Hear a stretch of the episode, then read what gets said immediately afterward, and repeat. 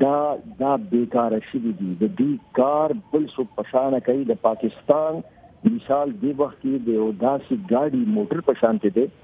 چې دا غي په سټیرینګ باندې څوک ناس دی او بهر نخکاری چې دا ډرایور دی خو دا غ سټیرینګ په شا سیټ باندې د څه خلک ناس دی چې هغه ښکاری نه او هغه اکاونټیبل هم نه دی هغه چاته جواب دی هم نه دی او دا غ د ګاډي هغه ټول هغه مهم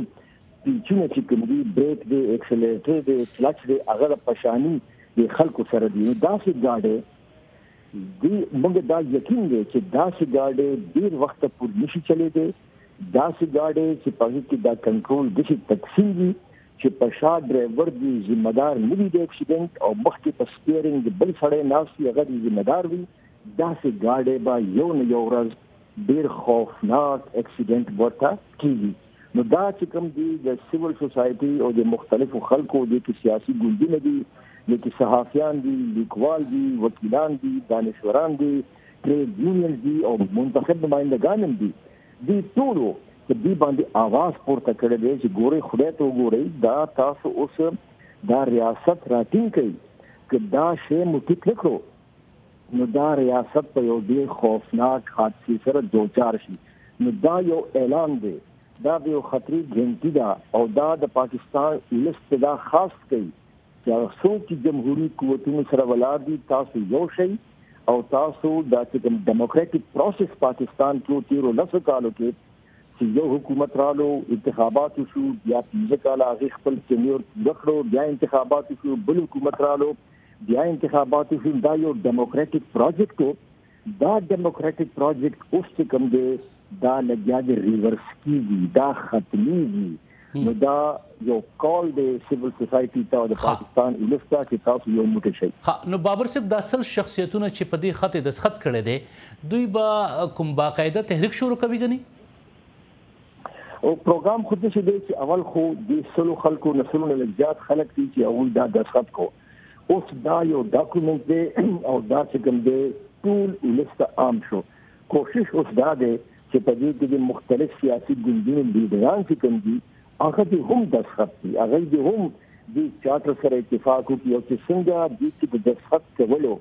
تعداد زیات شي او په دې کې ډېر نور معتبر خلک هم شامل شي، نو بیا به په دې باندې غور کوي چې ښه ده اوس دومره خلکو په دې دسخت وکړو،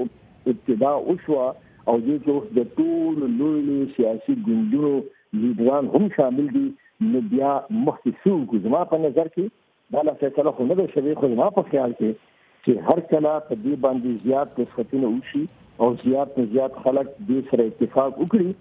نو بیا زما خیال دا دی چې بیا یوه لویه غونډه په کار ده او هغې د مخکې لایعمل لپاره په هغې سوچ په کار دی. بابر صیب! ارګجا یعنې ګڼ شمېره تنظیمونو او ادارو مشرانو پخوا هم دغه شان کوششونه کړي دي، تاسو څه ګومان کوئ چې دا ځل به ستاسو دا کوشش څه کوټلې نتیجې پیدا کړي؟ زما خیال دی چې دا به ځکه پیدا شي چې نتیجه به د دې خره وږي هغه وجه دا ده چې دین مخکې چې د شانتي اتفاق شلو نو هغه په دوه سیاسي ګوندونو منځ کې شو په 2006 کې نن د 12 کال مخکې پاکستان پیپلز پارټي او پی ایم ایل ان کې اوس چې کوم دغه کیږي نو دا اوس په دې کې د ټول نه صرف سیاسي ګوندونه بلکې د معاشري ټولې طبقې کاغه ډاکټران دي او وکیلان دي انجنیران دي او هر څوک دي دا ټول په یو پلیټ فارم راغونډوي نو یو خو دا بنیادي فرق دی یو دا بنیادي د دې مضبوطواله دی او دویم دا دی چې اوس یو نوی ماډل جوړ شوی دی هغه ماډل دا دی په خوا به دا ماډل نو په خوا به دا و چې براه راست جمهوریت به ختم شو او غیر جمهوری قوتونه به بر سره اعتبار وو اوس چې کوم دی بظاهر جمهوري ادارې دي، بظاهر جمهوري حکومت دی او جمهوري ادارو باندې قبضه شوې ده، هغه بې هغه بې وسه شوي دي او د دې احساس خلکو ته اوس شته دی، نو دې ډاکومنټ کې خلکو ته دا احساس ورکوي نمبر ایک او نمبر دو دا ډاکومنټ دا دستاویز صرف د دوو سیاسي جماعتونو کې نه بلکې صرف د سیاسي جماعتونو منځ کې نه دی، بلکې د معاشري ټول طبقو ته خاص دی او که تاسو دا چې کوم خلکو د فت کړی که دا تاسو وګورئ نو دا بالکل د معاشري یو کراس سیکشن دی چې په دې کې د معاشري د هر یو طبقې نمائندګي ده نو چې دې دا زما خیال دی چې دا د دې یو ډیر پوزټیو تحلیل دی او دې سره ما دا خیال دی چې د دې امکان د کامیابی ډیر زیات دی ډیره مننه محترم فضل الله بابر صاحب چې موږ سره ملګری شوی وای